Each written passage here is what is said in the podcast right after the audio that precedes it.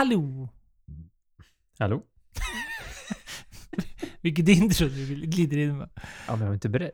Jag är inte beredd. Eller är det helgens bravader som kommer upp direkt? Ja, vi kan väl säga att det är så. Ja. Ja. Vad, gjorde, vad gjorde du då? Nej, faktiskt inget speciellt. Vi träffades eh, lite med familjen och kusiner. De har badtunna, så jag badade, eller badtunna, vad heter det? Bubbelbad. Badat det. Ätit lite gott, enkelt, druckit lite gott. Inget, inget speciellt, men eh, trevligt. Ja. Och du då? Ja, ja, jag var i Västerås. Och hade mig. Skräll. med vänner. Och då var det egentligen grejer. Vi var, ute och käkade lite. Och så, som är. Och så var jag ju även då på Ruts ölhus. Som... eh, Det kom ut på, vad var det nu? Måndagsbilden blir det. När det kom ut när vi var där. Och det var Oktoberfest. Det blev en kort vistelse, ska sägas. Men det var trevligt. Åt gott och drack väl gott. Det blev en eh, Barolo Gemma. Som var väl okej. Ja, Barolo, det brukar ju inte gick än i alla fall. Nej, och de är ju de är väldigt bra. Jag berättade det tidigare att jag tycker det var lite... Det var lite... Visst, man ska väl inte slägga servitrisen i tolv. Det blev jättebra till slut. Eller det blev bra, alla blev nöjda och sådär. Men jag tyckte det var lite konstigt just för ställde frågan till sällskapet. Ja, men vad vill ni ha? Vill ni ha strävt eller vill ni ha runt? Och då satt jag där och inte sa någonting och tänkte, ja men nu får mina vänner säga vad de vill ha. Och de flesta sa, ja men vi vill ha runt vin. Och då tänkte jag direkt, ja men då kommer väl tillbaks någonting. Ja, inte vet jag. Någonting mer så här. Kanske mittemellan. Vad skulle vi tro? Kanske... De hade några riojor. Kanske något sånt. Eller en... Mm. Någon enklare, vad heter det? Ripasso-vin tycker jag kan vara lite runda ibland. De som inte är så mycket torkade druvor i. Jag kan till och med tycka att de franska... Ja, man ska dra en mm, jättegeneralisering här. Men eh, typ så här i bourgognevin eller något sånt där brukar vara lite mer runt. Mm, de här lite i de bättre prisklassen. De som inte sticker iväg alldeles för mycket. Ja, för det var, man menar då med runt och, och strävt då. Det är ju tanniner som det heter i vinspråk. Som är då... Ja, men man upplever en typ av sträv munkänsla. Är det väl egentligen. Mm. Och det är ju faktiskt någonting jag själv tycker om. Och det är någonting jag kan föredra framförallt när man är ute och käkar sådär. För då kan man faktiskt... Det vill man ju oftast bara ha ett glas. Ja, det ska du inte ha två eller så vidare. Men det är i alla fall, det är ju ett väldigt matvin. Och då blir det ju... Praktexemplen är väl typ Barolo, Barbaresco. Som är sådana här top notch viner som oftast klassas som väldigt sträva. Eller är sträva, punkt slut. Men det var bra vin ändå. Det passade till maten om man säger. Han fick ändå en bra matchning så. Ja, absolut. Det var bara det att man, blev- jag blev chockad när jag kom då med Barolo. För att i min värld så kanske det är definitionen av strävt vin blir väl typ Barolo. Men alla var jättenöjda så det blev bra ändå. Det är det jag menar. Och det var, det var ett helt okej vin. Passade bra. Och det blir ju perfekt då för då var vi Vi blev ju till slut fem stycken som delade på en flaska. Så att, ja. Det, generellt sett säger man väl fyra på en flaska. Så att vi var ju, man fick ju inte så mycket i, i glaset. Men det passar ju jättebra med ett strävt vin då, för att då hinner du faktiskt dricka upp det till, till maten och sådär. Så du är nöjd och glad, så det blir bra. Ja, det låter väldigt trevligt. Och det var god mat också. Ja, helt okej där med. Mm. Liksom, höga, höga krav. Ja, nej men man blev inte golvad, men det var, det var, det var bra. Eh, Det var det. Och sen var vi då till Ruts ölhus. Blev en kort vistelse. Vi tog i första tåget hem. Första tåget, sista tåget hem. Eh, och, då, och tyvärr så här i Västmanland så går ju inte tågen senare än... eh, Vad var det? Det sista tåget gick 10 över 9. Och eh, jag som gammal utboning i andra typer av län och sånt där. Jag, skött, jag har bott i Norrköping, Linköping exempelvis. Där Östgötapendeln går ju tre på natten som senast ungefär. Och sådär. Så det är tråkigt. Vi har inga sådana såna alternativ i Västmanland. Som går mellan ja, Örebro, Västerås och, och det hållet. Så att det får man väl leva med. Det blev trevligt ändå. Det var ju oktoberfest på Ruts ölhus. Och de, ja, det var ett jädra drag. Skitkul var det. Den, den korta, man hann väl dricka par öl och då blev det ju en sejdel som jag la upp på Instagram för oss som följer där. Så blev det en en liter sejdel. Och sen blev det... Han jag precis beställa in en Barley Wine innan jag insåg att det var 10 minuter dags innan vi behövde gå till tåget. Och eh, Barley Wine som de flesta säkert vet inom öl så är det ju väldigt stark öl oftast. Och den var väl 10% eller något sånt där. Så det var ju... Man fick ju lägga i den lite snabbare än vad man kanske hade velat egentligen. Men, men sånt är livet. Så det var ändå bra och Ruds ölhus ska ju hyllas. Alltså det var första gången jag var där. Riktigt trevligt ställe. Nu var det ju fullt ös. På grund av Oktoberfesten då. Men annars är det ju så här, de har ju... Jag tror det är 49 tappar tror jag såg. Bakom sig liksom. Så har de även såna här vevtappar liksom. Såna här man, de hänger sig i mer eller mindre. Så att... Det är lite kul. Det blir lite en, det blir nästan lite utlandskänsla. När den liksom blir som när de går all in så. Tycker jag i alla fall. Ja, verkligen. Och det är ju det är, det är så mycket öl som man liksom, man får ju stå och läsa på den där menyn. Så att det var väl, på det sättet så är väl Oktoberfesten fel tillfälle ifall man ska dit och dricka trevlig god öl och vill prova massa olika så. Men det, samtidigt var det ju fullt ös och de hade gått all in med band och även gästerna var många som kom dit med läderhosen och körde liksom. Så att det var rolig upplevelse så Du hade ingen läderhosen. Nej, men vi pratar fan om nästa år får det bli det. Så, så blir det ju. Ja, viktigt. Apropå ölbarer, ölhus, öl. Generellt sett så dricker vi öl nu. Tänka sig, tänka sig. Ja, det blev en... Dricker de öl Det blev en bra, bra matchning det här. Ja. Ja, vi kan det här. Men det är inte vilken öl som helst, vi dricker skotsk öl. Jajamän. Mhm. Och det är Innis Gun. Och det är inte vilken Gun som helst. Det är inte den vanliga original, utan det är ett gäng... NS. NS. NS. NS. NS Gun. Det är ett gäng olika släpp som har släppt under åren av eh, slutlagringar på olika fat. Och eh, vi har radat upp ett gäng här så får vi se om vi klämmer i oss alla. Det brukar vi kunna göra utan problem. Ja, det är, väl, det är väl inga problem. Brukar det sällan vara NS. NS. Är det så de säger tror du? Ja. N NS. har du bättre koll. NS. Det är i alla fall den första vi dricker. Det är en Highland Cask Ale. Eh, som då, om man läser undersidan, har gått ut januari 2021. Så den har ju legat en stund. Och Den för, legat och lagrat lite grann. Det är trevligt. ja, och för de som följer oss på Instagram och såg Marcus säger det, så såg vi även när jag rensade bland mina lådor och då hittade jag dem all, att det var ganska många som jag hade kvar. Jag hade för mig att jag hade fyra, fem stycken, men det var ju ett gäng mer. Så då tänkte jag att eh, då får vi ta och dricka dem i podden. Marcus, Mm. Marcus sa nej direkt. Ja, visst.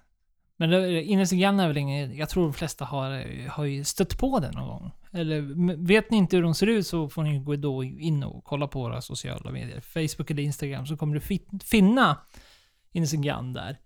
Om du swipar förbi avsnittsbilden.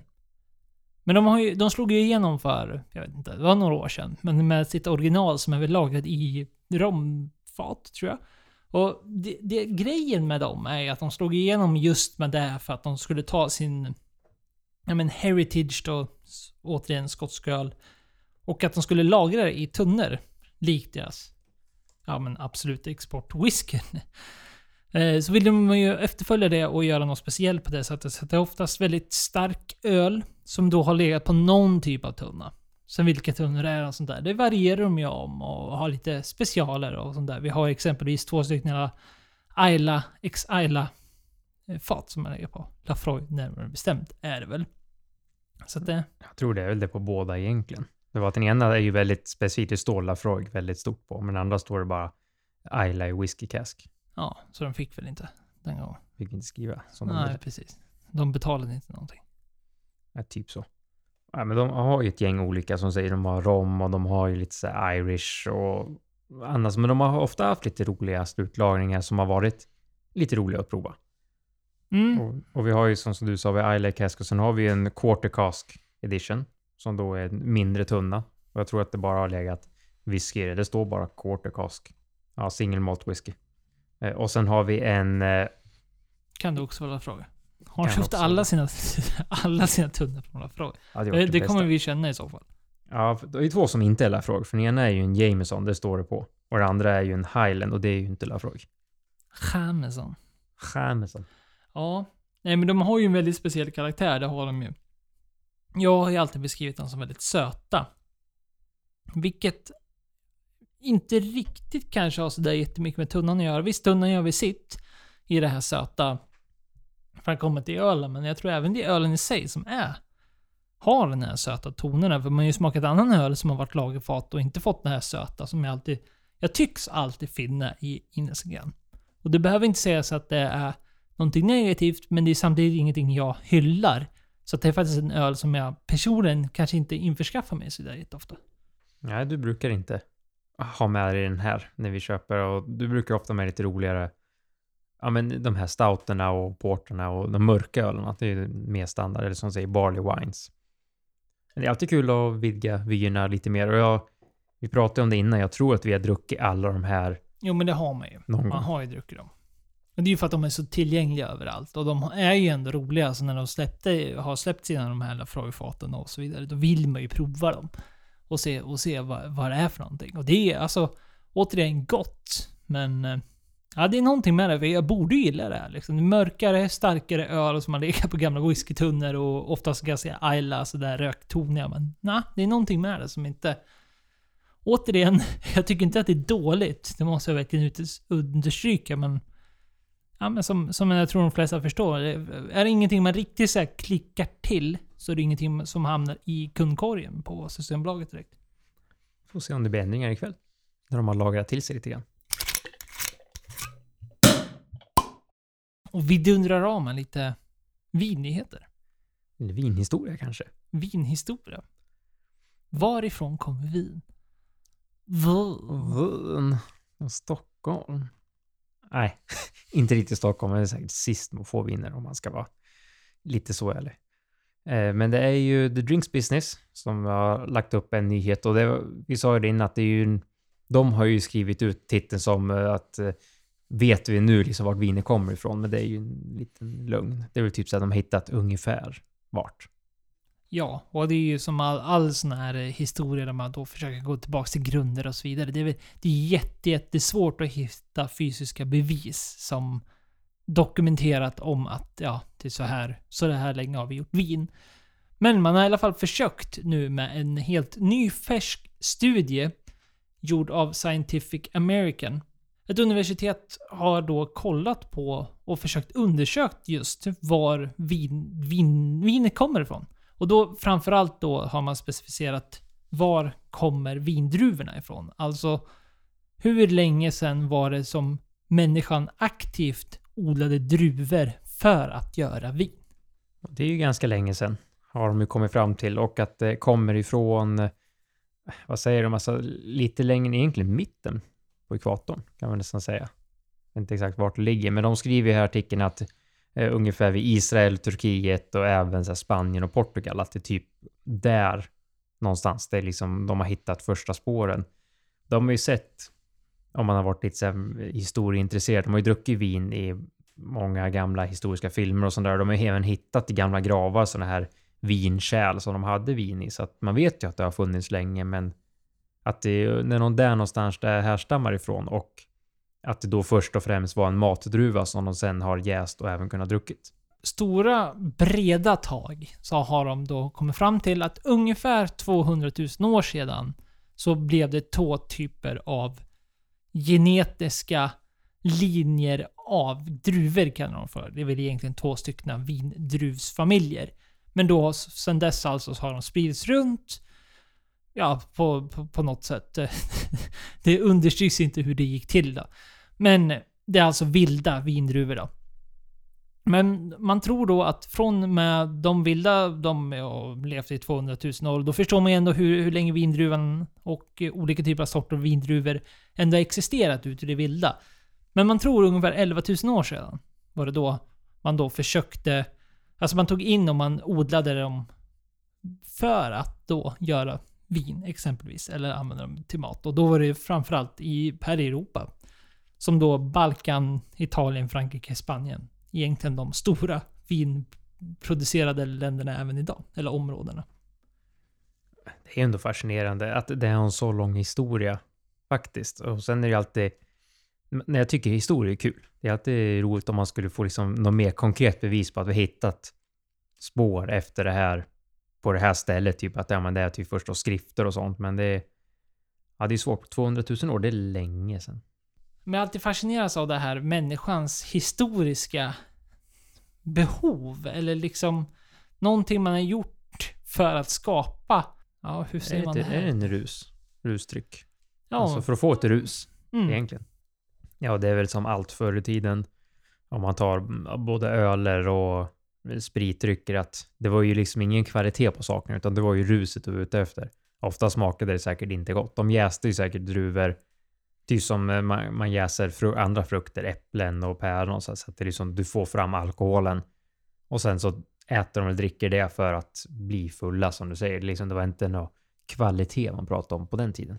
Nej, det var väl lätt rus. Just för man trodde ju alkohol var något positivt om inget annat. Det har vi pratat om tidigare i den här podcasten. Just hur man trodde väldigt, väldigt länge, alltså in i modern historia, att alkohol var något positivt. Just för att det, det gjorde att man blev mer öppen, man blev mer självsäker. Skador och sånt där kanske kom lite längre ner på nivåerna och så vidare. Att man, ja, men man trodde att alkohol var, var någon typ av wonderwork. Snarare än att man, idag vet vi ju hur då internt dåligt alkohol är i organ och så vidare som man inte visste där, då, där och då. Men nej, jag tycker det är intressant det här med historia och, och då måste man ändå belysa en sån här studie som har gjorts nu. Absolut. Det är alltid kul att se och det skulle ju vara roligare att få lite mer detaljerat på kanske just som du säger, det här rusets historia kanske. Inte just bara vinet, utan liksom vad är... Alltså hur länge har man suktat efter något liknande sånt här? Och det känns som att det här kan ju vara bland det första alltså man blev rusberusad av. Jag vet inte, alltså jag har aldrig kollat upp det. Men det känns som att om det har funnits i 200 000 år, det är svårt att säga att något annat fanns så mycket längre innan det. Som man fick ett rus av. Buffalo Trace öppnar sin första butik utanför Kentucky. Och det är inte vilket land som helst. Tyvärr inte Sverige. Men, Danmark. Ja, Danmark. Litauen. Det hade varit coolt. Nordmacedonien.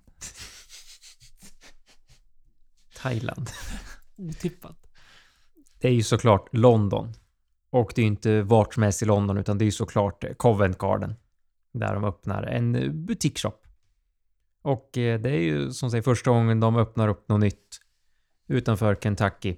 Jag tycker att det här var en rolig grej. Alltså det är ju kul att prata om för att eh, talar vi bourbon i Sverige så har vi ju väldigt, väldigt vi är typ en fis i rymden jämfört med vad som faktiskt finns i USA. Mm, nej, det är otroligt vad, det finns. Det kan jag faktiskt, är, är du lite så här intresserad av eh, bourbon överhuvudtaget så kan jag faktiskt rekommendera YouTube-serier där de har, det är många som, det är framförallt populärt, har varit nu ett längre tag, att man har, eh, vad kallar de det för? Typ hunting series eller något sånt där. Ja, bourbon hunting. Ja, Ja, så det man nog, det är alltså folk bara som åker runt i olika liquor stores och eh, letar efter sällsynta bourbons. Just för att det, det, det kan skilja sig så mycket från stad till stad och framförallt delstat till delstat och så vidare. Just för att det finns så otroliga mängder. Så du också sitter och kollar på det när de gör det? Det har man. Ja. Ja, det är kul att kolla på. Ja, jag med. Jag sitter och kollar. Så fort det kommer upp en ny video, fan vad kul, så går man in och tittar. Så ser man bara massa flaskor man aldrig har sett förut. Bara, det här var kul. Ja, man har ingen aning om vad det är. Men det är ju, man blir ju, man blir ju avundsjuk, så är det ju. Just för att bourbon, som, som de flesta säkert vet, har ju väldigt, väldigt, väldigt prismässigt så har de ju otroligt konkurrenskraftiga priser på sina flaskor. Som, som vi sällan ser när det kommer till skotsk whisky eller whisky rent generellt så. Utan de är väldigt säregna på det sättet. Absolut. Och tittar man på eh, det som man säger, Buffalo Trace är ju liksom, vi har ju pratat lite lätt om det, med att bourbon ägs ju liksom av typ ett destilleri. Och det är de som har flera olika märken inom samma, typ samma destilleri. Och en del, det är ju mest andra lagar i bourbon och i USA, så där får man nästan ta ett helt ämne och prata om det någon gång. Men tar man just Buffalo Trace så har man ju även Eagle Rare och de har Sazerac Rye. Och de har ju även andra, det är typ E.H. Taylor har de väl också. Så att det, det finns ju ganska mycket just under Buffalo Trace namn eller vad man säger. Det, man kan nästan säga att de är som eh, Edrington, Diageo och, och sånt där. För att de har flera märken under samma fast det är bara ett destilleri som har dem. Och det är det man ser eh, ju framförallt i baktanken med den här. Förutom då att det ska vara en affär som erbjuder väldigt mycket så verkar de ju... Men det fungerar väl nästan som en ambassad så som man tolkar det som. För att de ska satsa mycket på att ha olika typer av provningar. Det är ingenting, du kan inte bara åka dit på måfå och, och få provningar. Men eh, det verkar ju som att eh, om man, av det vi kan utläsa så verkar det ju vara ja, men en marknadsföring de kör fram och en typ av strategi de har. Att de kommer då ha fasta provningar där du då får prova rangen som Buffalo Trace erbjuder. Framförallt då för ett ganska schysst pris. Det verkar ju 30 dollar ungefär sådär. Beroende på... Ja, 30 pund, förlåt. Det är ju väldigt billigt om man då tänker på att tanken med den här provningen är då att du ska få hela rangen inom Buffalo Trace. Och det är ju några stycken ändå. Och du ska få olika uttryck på varje flaska. Så det är ju en hård satsning för att få intresset att tända lite mer ute i världen. Jag tycker fortfarande, som jag sa tidigare, det är en jätterolig grej. Och att det är ju som de säger, att du, du får ju boka provningar och sen har du ju chansen att köpa. Och det är ju mest deras eh, core range. Men de ska även försöka få in lite specialflaskor. Men det är ju det att i USA är ju bourbon så himla stort så det är väl svårt att få ut någon specialflaska utanför USA överhuvudtaget tror jag. Ja, framförallt när det är, liksom är så pass sällsynt som den då är. Om man då tänker en sån jätte som Buffalo Trace som ändå har varit med väldigt länge och de har öppnat sin första utomlands. Nu har man inte då koll på exakt hur många sådana här det finns där ute. Men det säger väl någonting om att ja, men framförallt för oss entusiaster då som inte behöver ta oss till Kentucky eller till USA för den delen för att få uppleva olika typer av varianter av, av bourbon. Utan du kan åka till London. Som många gör. Alltså det, det är ju ett bra sätt att marknadsföra sig själv. Och just Covent Garden är ju det, är väl det stora stället där många hänger. Det är väl typ där Whiskey Change ligger också. Om jag inte missminner mig. Och det gör ju att folk som är intresserade kommer att åka dit. De kommer säkert köpa, de kommer prova och de får upp ögonen mer för bourbon och vilket gör att de kanske faktiskt försöker leta sig och köpa mer sånt också, vilket då gör att de kanske kommer upp mer här på den här sidan av vattnet. Jag tänkte säga kanalen, men det är en ganska stor kanal, havet. Men eh, så att det är ju, är ju roligt och det är ju det här är nog kanske inte det sista vi ser av det här om man tänker på USA. Det kommer säkert ploppa upp sånt här motsvarande i till exempel USA, fast från Skottland. För jag vet ju att i typ om det är Kina eller Taiwan och sånt, där har de ju öppnat upp sig speciella shops för just typ Kavalan, vet jag. Men det är ju liksom lite mer Asienaktigt ändå. Men att det kanske ploppar upp mer och mer. Ja, Diageo kanske öppnar en affär med deras flaskor och sånt. För jag tror det är svårare för destilleriet att göra, men att öppna liksom, de vill framföra deras spritsorter. Och då är det ju de med stora pengar, vilket då Buffalo Trace har. För att kunna öppna upp en sån här butik i London. DN har kommit med en lista till ölälskare ifall du ska åka runt i olika städer i Europa och dricka öl. Så har de då kommit på sådana här klassiska resmål och kommer med alternativ ifall... Ja, men alternativ då som ska vara hyfsat bra så att de inte är alldeles för långt bort och ändå är tillgängliga på det sättet. Men ändå en annan typ av stad om du då är ute efter god, trevlig öl. Det är inga småstäder heller. Som jag tycker är lite kul. Att de har inte sagt någon, någon liten småstad som finns i en by långt bort. Du kan bara ta dig dit med tramp, trampbåten eller något sånt där. Trampbåt?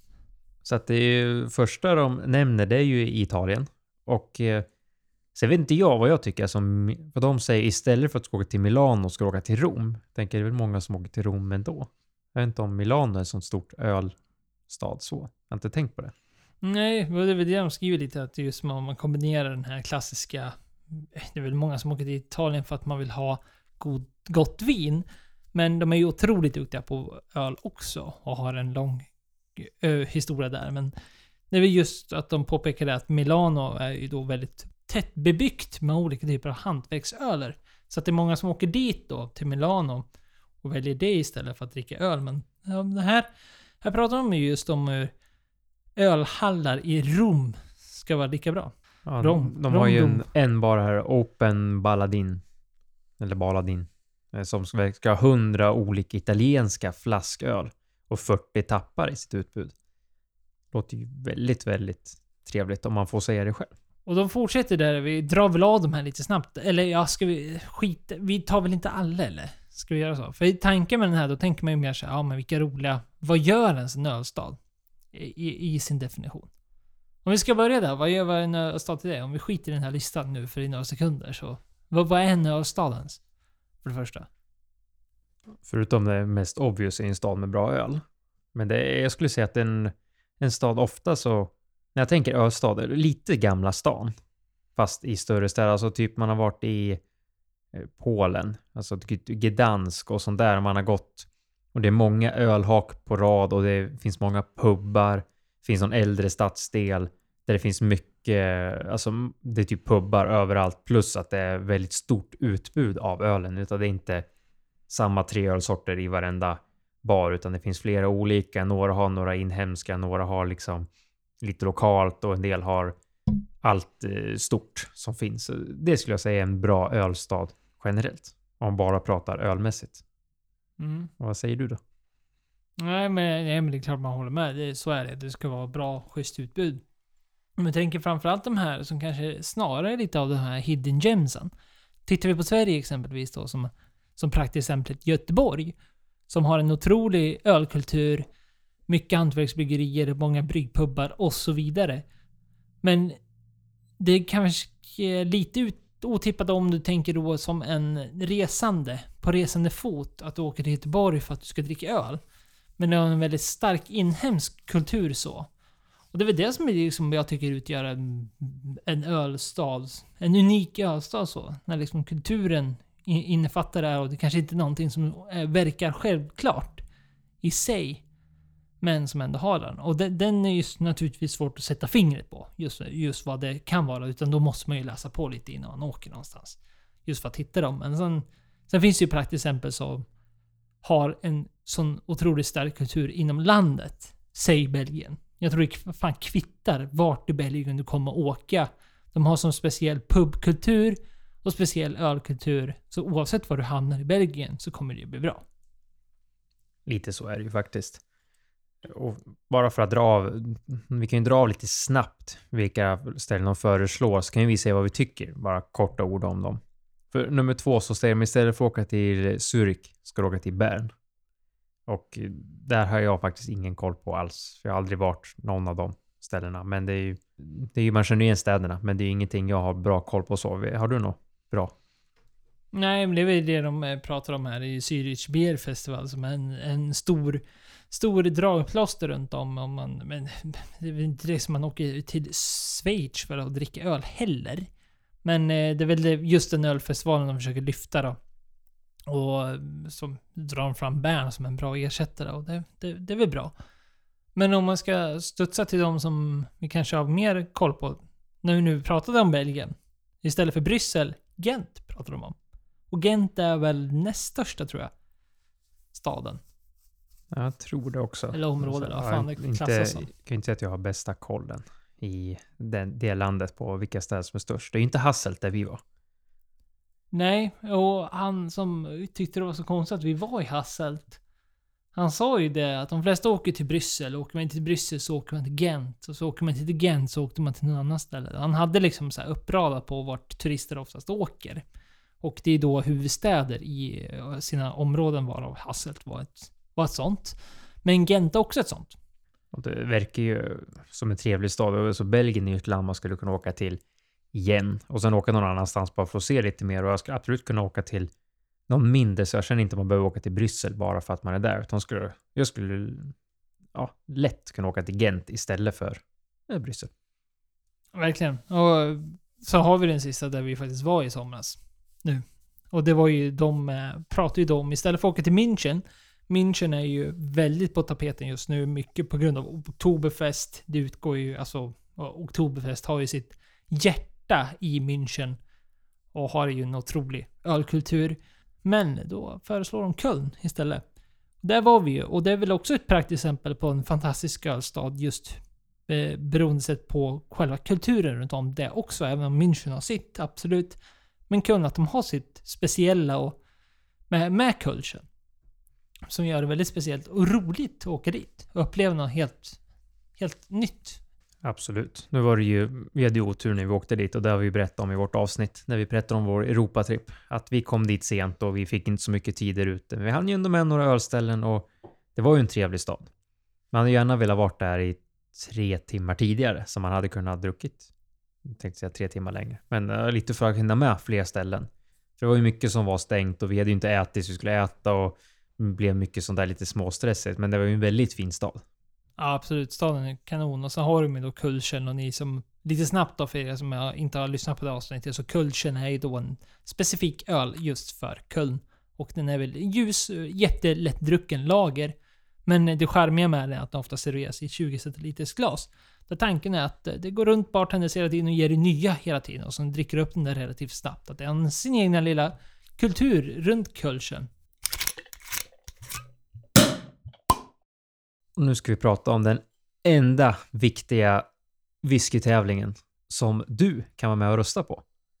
Och det är The Online Scotch Whisky Awards. Som då du kan gå in och söka på lite snabbt bara för att säga oswa.co.uk.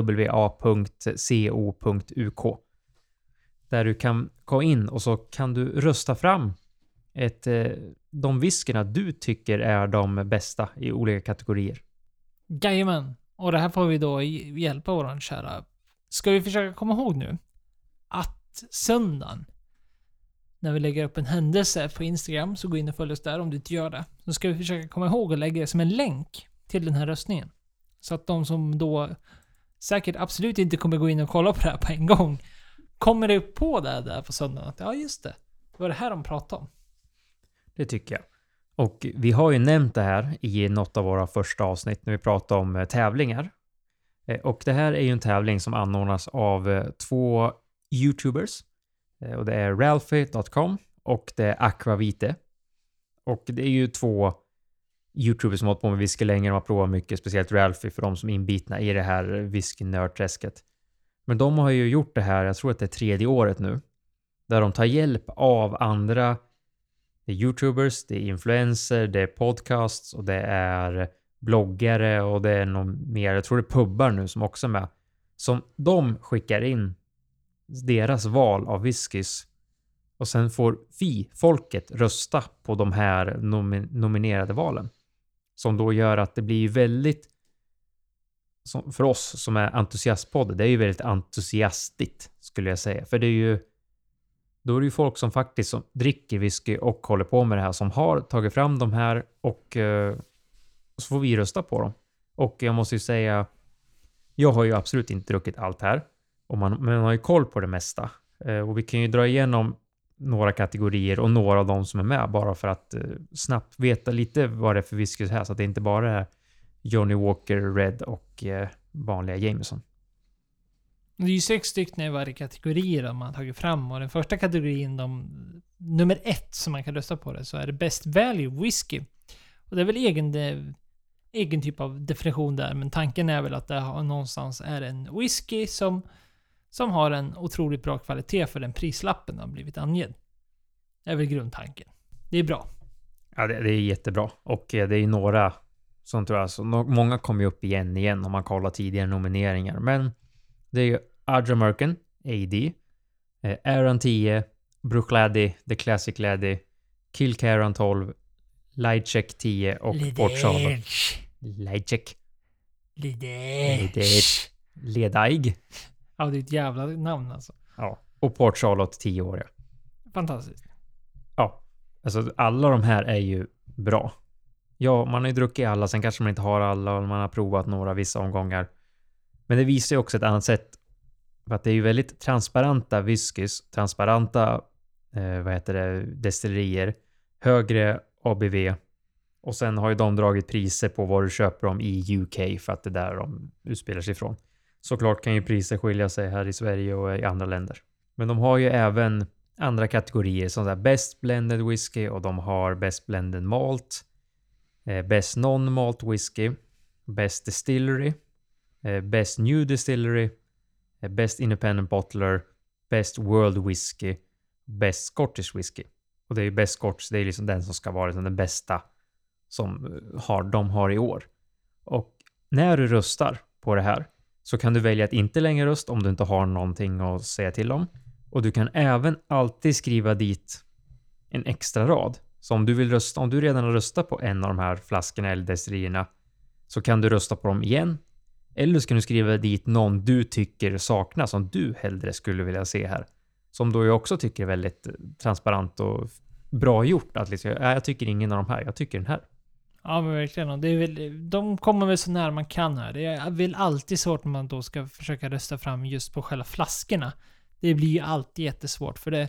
Då kommer det alltid upp de här gamla argumenten att folk kommer då rösta på det man kanske vet om och har provat. Man har ju kanske då inte provat alla sex och det blir ingen fair judgment däremellan och så vidare. Och, och det kommer ju... Alltså det är ju, det är ju helt... Ja, så är det ju. Med, med, med sådana här röster att det kanske inte går att ta sådär jätte svart på vitt när det kommer till sådana här omröstningar om, om själva whiskyn i sig. Men jag tycker det framförallt att det är kul när det är sådana här som Best Distillery och Best New Distillery och sånt där. För det säger ju i alla fall någonting. Och det kan väl i och för sig vara samma sak där, framförallt New Best Distillery.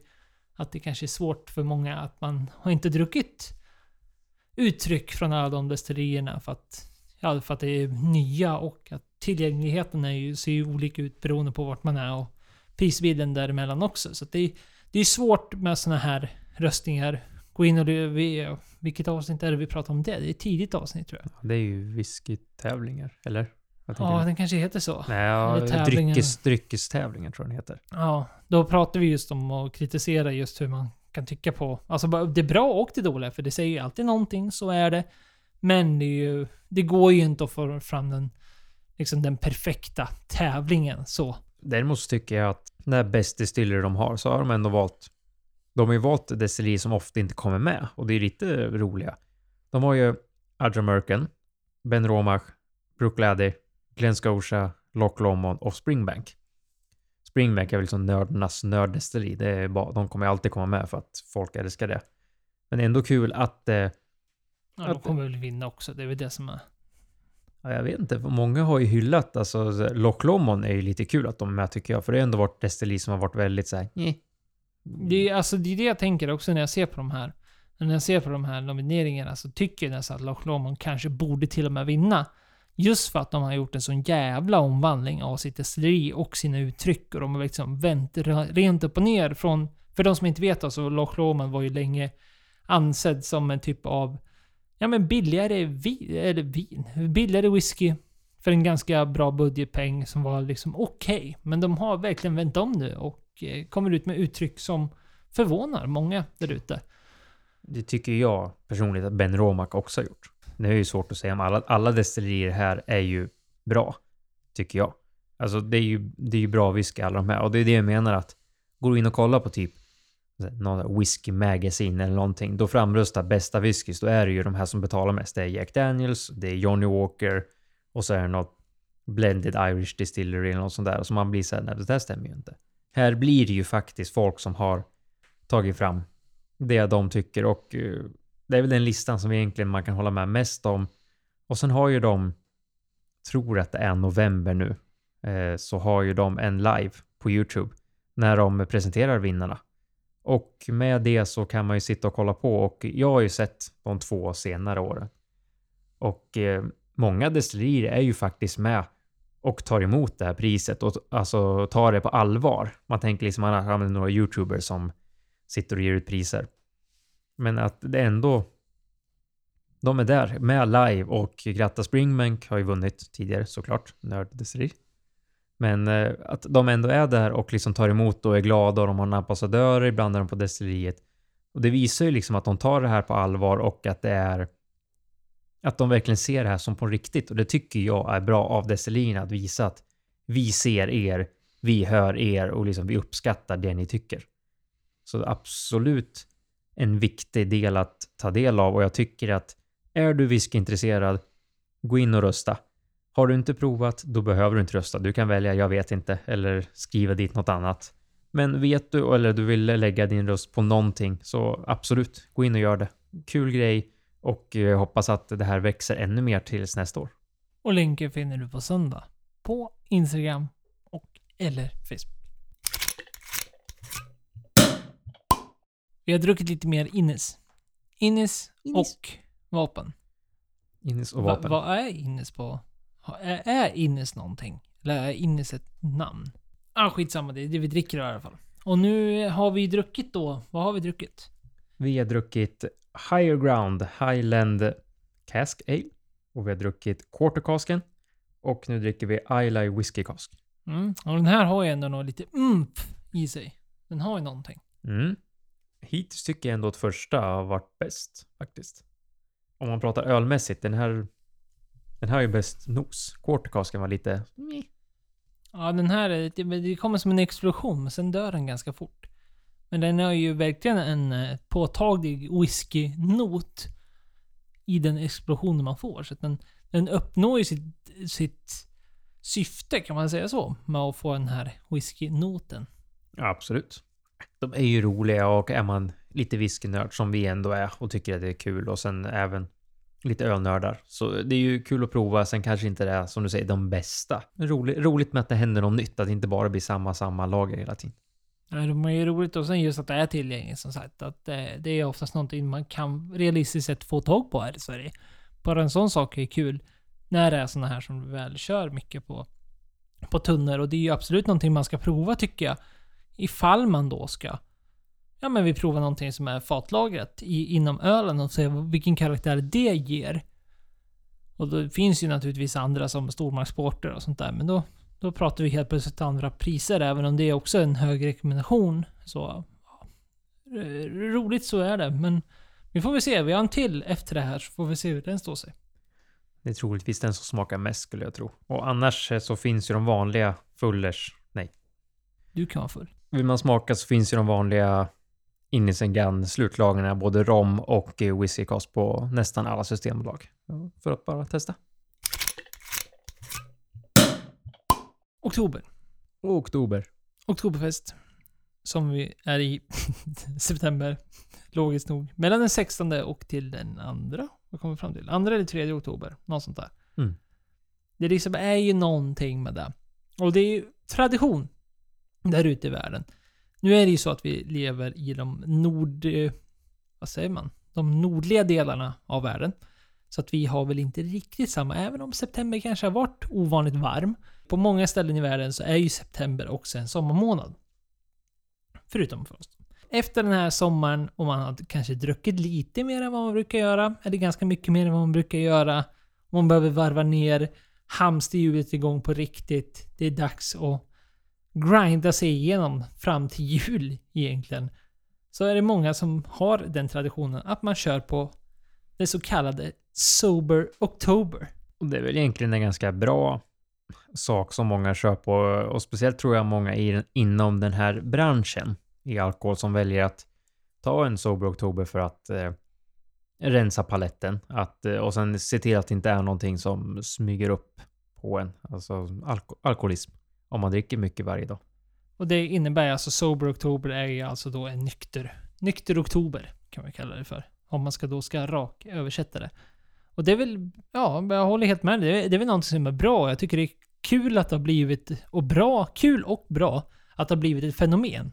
För att det känns som att nu är det någonting som folk gör. Alltså, det kan vara lättare om man då är i umgängen. Det kanske är svårt rent eh, pressmässigt. Det kanske är. Man är i ett eh, socialt umgänge där man kanske dricker mycket på helger. Eller att umgänge associeras med alkohol eller någonting. Och då blir det ju väldigt mer avslappnat och mer legitimt när det finns en sån här rörelse, ett fenomen. De bara säger nej men jag hakar på, jag kör Sober October. Alltså, jag ser, alltså folk som gör det, här, jag tycker det är, det är starkt och det är bra, bra jobbat. För alltså vi pratade om att vi skulle försöka köra något sånt här någon gång, men nu kommer det så mycket släpp och vi har ju köpt på oss lite grejer som vi vill testa. Och eh, vi känner att vi ska nog försöka flytta fram det här, för att Sober Oktober behöver ju inte vara oktober, ungefär som att du behöver liksom inte göra någonting bara för att det är just det här, utan man kan ju köra det här, en del kör en vecka, eh, typ varannan månad, en del kör i januari efter julmat och allting. Och eh, vi som är entusiaster av alkoholhaltiga drycker tycker det är gott att dricka liksom och testa olika saker och vi, vi är ju inte de som gärna går ut och dricker sig pangfulla fredag, lördag varje helg utan det kan gå åt. man bara tar två, tre öl eller någon whisky eller något glas vin. Och det är ju det som är att allt det försvinner ju egentligen. Och det är ju upp till var och en hur man vill lägga upp det, men det är absolut en bra, en bra grej som har kommit fram här tycker jag. Ja, absolut. Det är någonting man behöver... Man kan i alla fall reflektera över om det är någonting som kanske skulle passa en och i alla fall ha någon typ av månad. Och just att det är en månad också gör ju att det faktiskt ger någonting mer än att... Om man säger... Jag menar, om, om man då är så inbiten som man kör en vecka eller sånt där. och det kanske inte ger någonting utan... Det är väl just det att man ger en ärlig... Ett ärligt liksom paus. Pausande.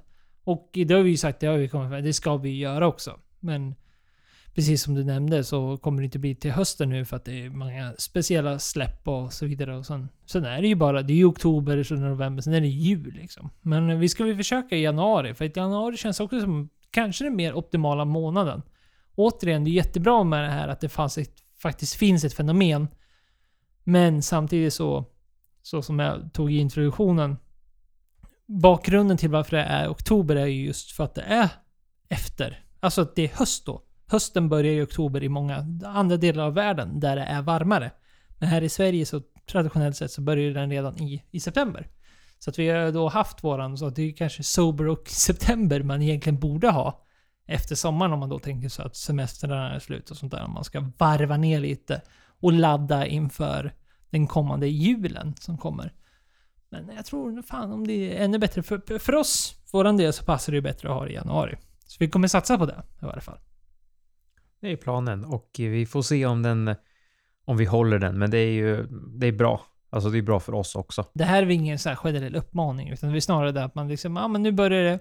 Sober Oktober. Du, det är kanske någon där ute som lyssnar att, ah, men fan, det är kanske någonting man bara hakar på. Så det börjar komma nu. Lagom när Oktoberfesten lägger sig ner. Så kommer det. Så att haka på om du vill. Eller så skiter du i det. Eller så hakar du på oss när vi kör i januari. Eller så skiter du i överhuvudtaget. Du gör precis som du vill. Veckans släpp.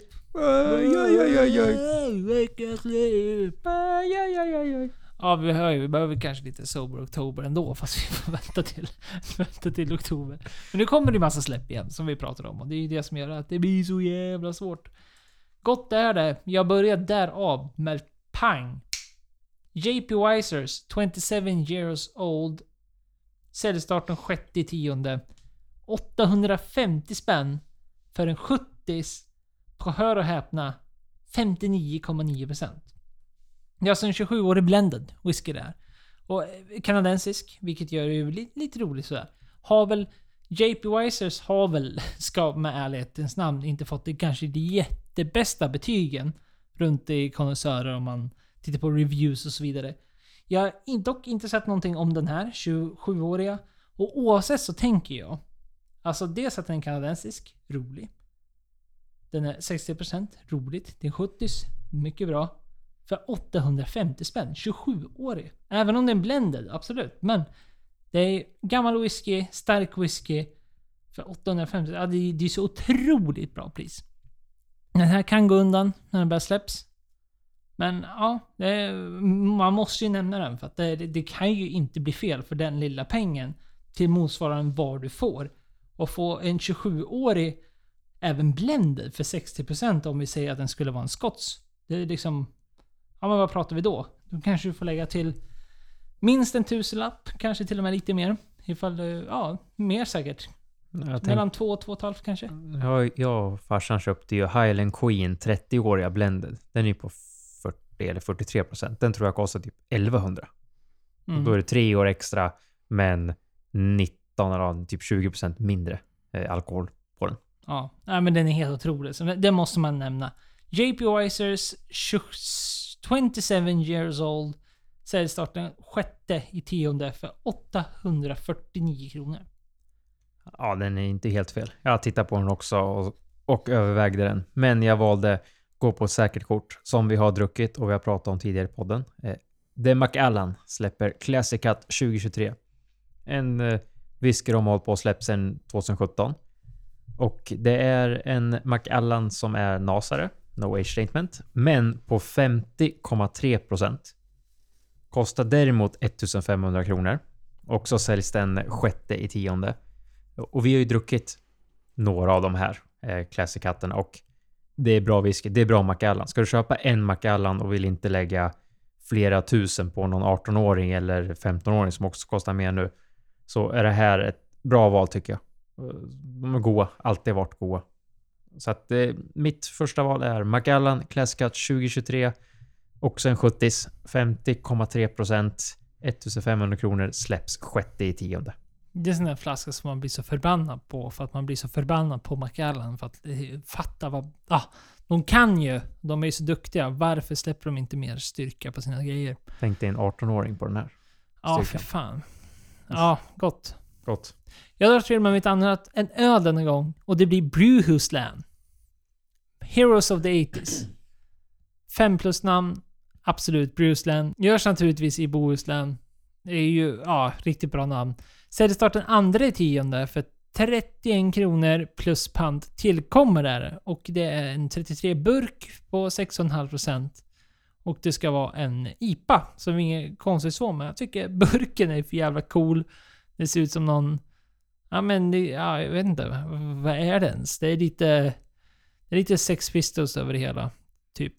Den Det ser ut som det här gamla, någon av de här krigarspelen på det här dåliga Blipp. Space det där- Invaders det, eller vad heter ja, Ja, det är någon sån här bitgubbe på. Ja, det ser bra ut. De, de, jag har inte druckit någonting därifrån eh, personligen. Men eh, det är väl om man vill göra. Det går inte att läsa så jättemycket. Den, återigen, det, det är populärt med folk som har hemsidor under konstruktion. Ska sägas. Men även de här då. Så att det kommer inte så långt där. Men Instagram-kontot att avgöra så verkar det som att det, det är kul. Och eh, recensioner och döma så framförallt deras eh, brygg... Vad fan kallar man det för? Taproom ser alldeles, ser alldeles underbart ut. Och ja, lite schyssta memes och sånt där. Så det ser kul ut. Absolut. Och har ju en stor fullskala där. Så att, eh, ja, det måste vara bra. Även om inte jag druckit det personligt. Ja, den låter gott och ser god ut. Och jag, mitt andra släpp, väljer också en från det lokalt och småskaliga släppet. Som då släpps den andra i tionde. Och jag väljer, om, om man ska vara så Svensson så det kanske låter som det tråkigaste, men jag tror att det här är ett bra släpp. Örebro Brygghus släpper en ljuslager. Och det är så den heter, en ljuslager. Står att det är öl, ljuslager, Dortmunder och Helles. Så att eh, bra vanlig lager. Känns det som att det här är nog kommer, om det här är en sån som kommer på systemet hela tiden så kan det nog bli en, en competition till gräsklipparölen. Kommer släppas den andra tionde. En 33 på 5,6% och kommer bara kosta 14,90 plus pant. Helt överenskomligt. Den måste nästan vara bland det billigaste vi haft på släppen tror jag. Om jag inte missminner mig. Men i alla fall, Örebro Brygghus, en ljuslager. 14,90 släpps den andra i tionde.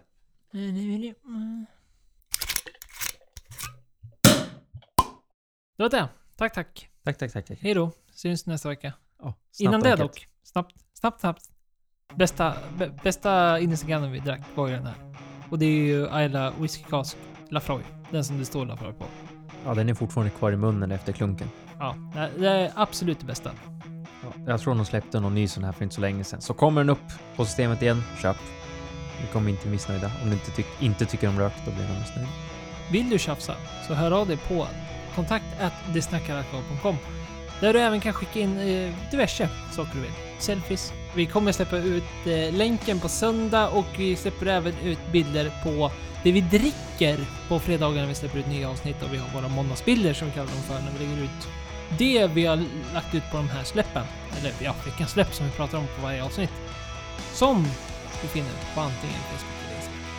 Och där lägger vi även ut eh, artikelnumren till Systembolaget. Om du inte vill kopiera texten så finns även numren för en snabb sökning. Vi hörs väl nästa vecka. Det gör vi.